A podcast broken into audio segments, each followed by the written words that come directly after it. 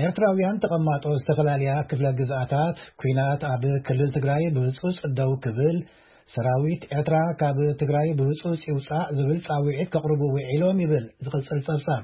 ከምኡ'ውን ጥምየት መሳርሒ ፖለቲካ ጌርካ ህዝቢ ብጥምየት ምቕጻዕን ምጽናትን ብህጹጽ ደው ክብል፣ ኣብ ኤርትራውያን ስደተኛታት ዝወረደ ግፍዒ ብዘይሻራዊ ኣካል ክጻረን፣ ገበነኛታት ናብ ዓለምለኸ ቤት ፍርዲ ክቐርቡ፣ ከምኡ ድማ ሰራዊት ኢትዮጵያ ካብ ኤርትራ ይውጽኡ ዝብል መልእኽቲ ሒዞም ሎማዕንቲ ረቡዕ ኣብ ፊት ንፊት ቤት ጽሕፈት ሚኒስትሪ ጉዳያት ወጻኢ ዩናይትድ ስቴትስ ናይ ተቓውሞ ድምጾም ኣስሚዖም ይብል ነቲ መደብ ዝተኸታተለ በትረ ስልጣን ይቕጽል።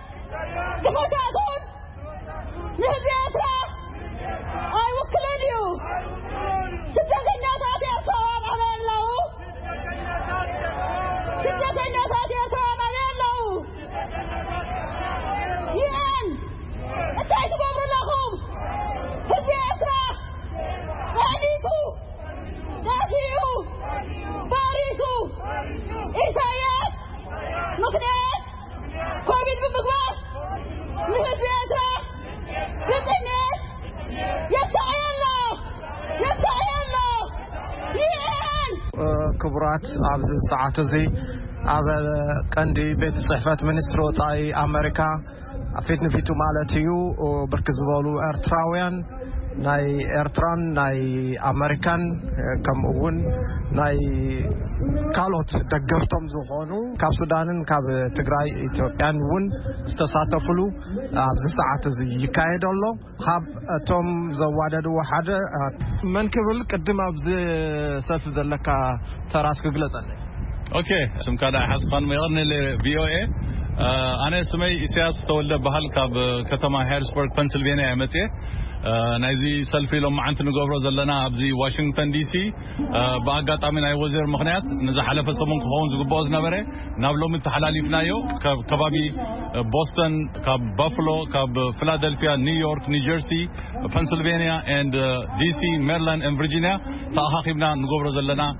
ብዛዕባ እዚ ኣብ ሃገርና ኤርትራን ኣብ ትግራይ ዝግበር ዘሎ ግፍዕታት ንዕኡ ድምፂ ክነብ ኢና ወፂና ዘለና።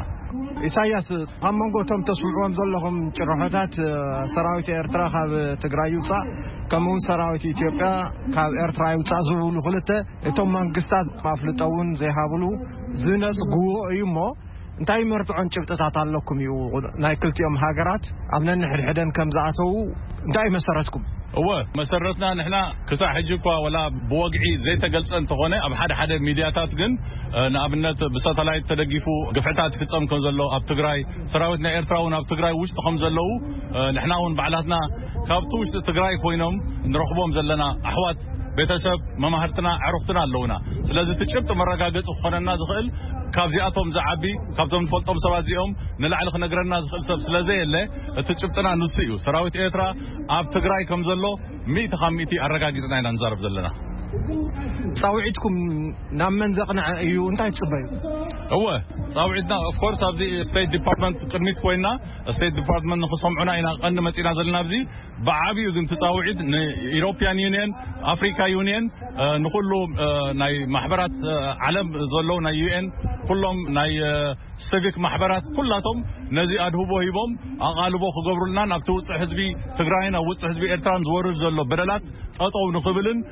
ኣብ ልዕሊ ጥሜቱን ኣብ ልዕሊ ድኽነቱን ንህዝቢ ትግራይ ዝወርድ ዘሎ ህልቂት ኣደራዕን መከራን ይበፅሖ ስለ ዘሎ ነዚ ንኽሰምዑና ኢና ናብዚ ስቴት ዲፓርትመንት መፂእና ዘለና። የቐንየለይ ኢሳያስ። ገንዘብካ የቐንየለይ።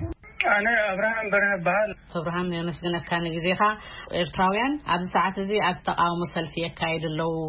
ኤርትራ ሰራዊታ ካብ ትግራይ ተውጽእ ኣብ ኤርትራ ኣሎ ዝበልዎ ሰራዊት ኢትዮጵያ እውን ካብ ኤርትራ ይውፃእ ዝብሉን ዝፍፀሙ ዘለው ገበናት ዝምልከት እሱን ኣውጊዞም ኣለው ብዛዕባ እዚ ዝተርእዩ ተኸ ኣቶ ብርሃን ረምንያ መጀመርያ ስለቲ ዝሃብክኒ ዕድል የመስግን የቀኒየለይ ኣብዚ ጉዳይ እዚ ርእይቶይ ክህብ እንድሕር ኮይነ ግን መጀመርታ ኤርትራውያን ምዃኖም ዝፈልጦ ነገር የብለይን ብማዕበን እያ ንዛረብ ዘለና ኣይርኦም እየ ዘለኹ ኩሉ ሰብ ትግርኛ ወይ ካልእ ናይ ኤርትራ ቋንቋ ስለ ተዛረበ ኤርትራዊ እዩ ማለት ኣይኮነን ከም ኤርትራውያን ወሲደ መልሲ ክህብ ከጸግመኒ እዩ እቲ ዘልዕልዎ ዘለዉ ሕቶታት ርእይቶይ ክህብ ጸገም የብለይን እንታይ እዩ ኣብዚ ሰዓት እዚ ኣብ ኢትዮጵያ ናይ ሓድሕድ ጸገም ተፈጢሩ ኣሎ ብመጀመርያ እቲ ኩነታት ንኢትዮጵያውያን ዝምልከት ስለ ዝኾነ እቶም ኤርትራውያን ኣብ'ዚ ኣትዮም እቲ በዓል ጉዳይ ከሎ ነቲ እቲ ጉዳይ ዘይምልከቶ ጎረቤት ክጥቅኑ ኣይግብኦምን ስለ ዝኾነ እቲ ኣርእስቲ ዘልዕልዎ ዘለዉ ብመሰረቱ ጌጋን መሰረት ዘይብሉን እዩ ክብል ይፈቱ። ሕራይ እቲ ዘልዕልዎ ዘለዉ ነጥቢ ኤርትራ ወተሃደራታ ናብ ትግራይ የእትያ ትዋጋኣላ እዩ። እዚ ኸኣ መንእሰያት ኤርትራ እውን ስለ ዝትንክፍ እዩ። ህይወት መንእሰያት ንኸንቱ ኣብ ዘይምልከቶም ይጠፍእ ኣሎ። ኤርትራ ትጸንት ኣላ፣ መንእሰያታት ኣብ ዘይምልከቶም ኣትዮም ህይወቶም ይጠፍእ ኣሎ እዩ ዝብል። ጉዳይ ናይ ኢትዮጵያ ጉዳይ እዩ።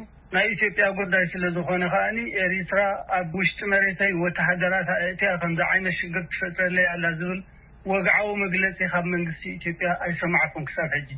ኤርትራ ንባዕላ እውን ኣብ ከምዚ ጉዳይ ኢደይ እእትየ ከምዚ ገይረ ነቲ ሽግር ፈቲሐዮ ኢላ ብወግዒ ዝገለጸቶ መግለጺ የለን። ወተሃደራት ናይ ኢትዮጵያ ነብሶም ከውጽኡ ናብ ኤርትራ ምስ ከዱ ህዝቢ ኤርትራ እቲ ናይ ጎረቤት ክንክንን ኣቀባብላን ከም ዝገበረሎም ብዓብይኡ ቀዳማይ ሚኒስተር ናይ ኢትዮጵያ መግለጺ ከም ዝሃበ ስለ ዝፈልጥ እዚ ወግዓዊ መግለጺ እዚ እንዳሃለወ ከምዚ ኣመሰለ ብጎኒ ዝመጸ ናይ ካልእ ዕላማታት ዘለዎም ሰባት ከም ሓቂ ገይረ ክወስዶ ስለ ዘይክእል እቲ ህዝቢ ነዚ ከም ገጂፍ ኣርእስቲ እንተ ዘይተወሰደ ይሓይሽ።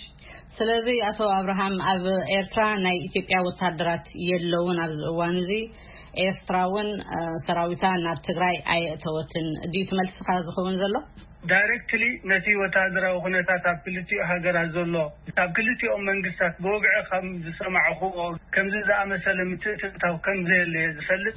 ብምኽንያት ኮቪድ ተባሂሉ ህዝቢ ኤርትራ ኣብ ገዝኡ ክዕፆ ተገይሩ ብጥሜት ይሳቐ ኣሎ ዝብል ሓደ ነጥቢ እውን ኣልዒሎም ኣለዉ። ኮቪድ ኣብ ልክዕ ከምቲ ካልእ ሃገራት ዘሎ ሓደ ሓደ ፀገማት ከምፅእ ከምዝኽእል ይኣምን ኣነ። እቲ ህዝብን እቲ መንግስትን ግን ተሓባቢሮም ነዚ ሽግራት እዚ ምስ ኣብ ወፃኢ ዝርከብ ኤርትራዊ ንኣብ ውሽጢ ዘሎ ዘለዎ ምትእስሳርን ናይ ምሕጋዝ መደባትን ብተዛማዲ ምስ ካልኦት ጎረባብትና ሃገራት ክረኦ ከሎ ኤርትራ ካብተን ብግቡእ ገይረን ሒዘንኦ ዘለዋን ጽቡቕ ለውጢ ዘምጽኣ ዘለዋን ሃገራት ምዃና ይፈልጥ። ሕራይ ኣቶ ኣብርሃም በርሀ ንዝሃብካኒ ምላሽ ኣዝየ የመስግነካ የቐንየለይ። ክብረት ሃበለይ ምንያ Thank you።